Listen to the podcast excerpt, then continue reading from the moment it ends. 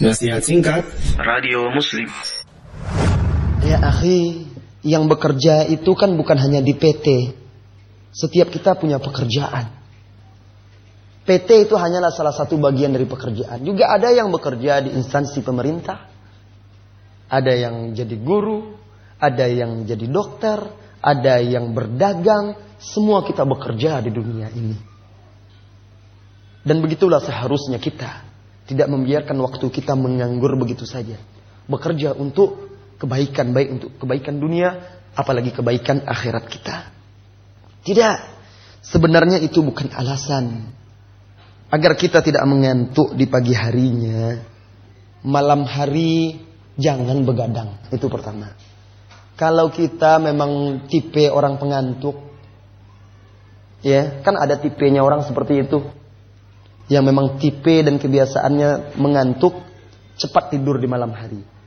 Agar kita punya kekuatan untuk bangun di tengah malam dan tidak mengurangi porsi tidur kita. Sehingga pagi pun kita tidak mengantuk.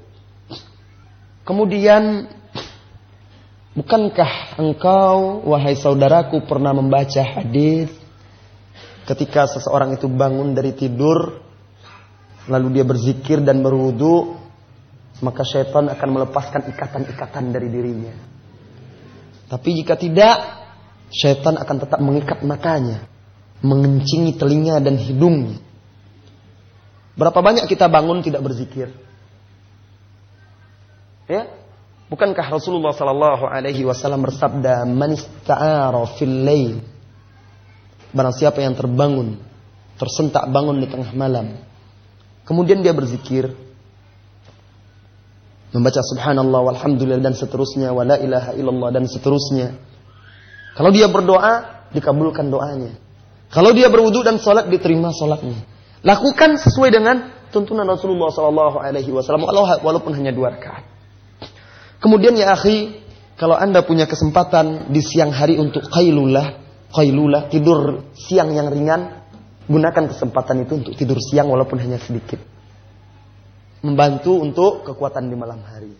Kemudian ya akhi, agar pagi hari tidak mengantuk ketika bekerja setelah sholat subuh jangan tidur. Yakinlah, kalau engkau tidur setelah sholat subuh, mata dan badan kita tidak enak. Berat sekali. Tetapi apa yang kita lakukan? Setelah sholat subuh berzikir. Kemudian membaca Al-Quran. Bersiap-siap. Atau membaca zikir pagi. Menjelang matahari matahari terbit.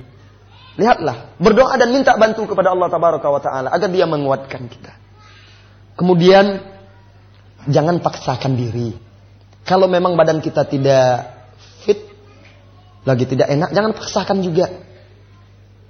Rasulullah Shallallahu Alaihi Wasallam bersabda dalam hadis yang sahih diriwayatkan oleh Muslim Bukhari dan lain-lainnya.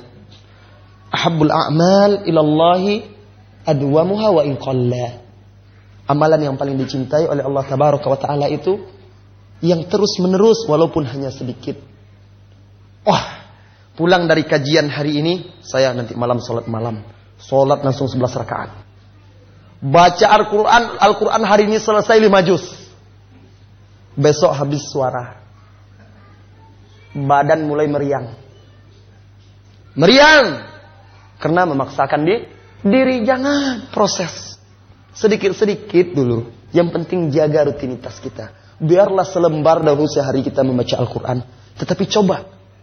Seminggu, dua minggu, satu bulan ini selembar. Bulan ke depan kita tingkatkan lagi. Kita atur waktu kita. Setelah subuh, malam, menjelang tidur. Tingkatkan, tingkatkan. Begitu juga sholat malam. Biarlah sebulan ini saya dua rakaat aja lah dulu. Begitu belajar. Kita belajar beribadah. Berat melawan hawa nafsu itu. Nah, Sebulan kalau sudah terbiasa ya akhi, lihatlah. Seseorang yang kalau dia biasa berjalan tanpa alas kaki, duri batu-batuan itu tidak akan berarti lagi bagi telapak kakinya. Seseorang yang terbiasa menggenggam kapak dan pacul, maka lihatlah telapak tangannya akan mengeras.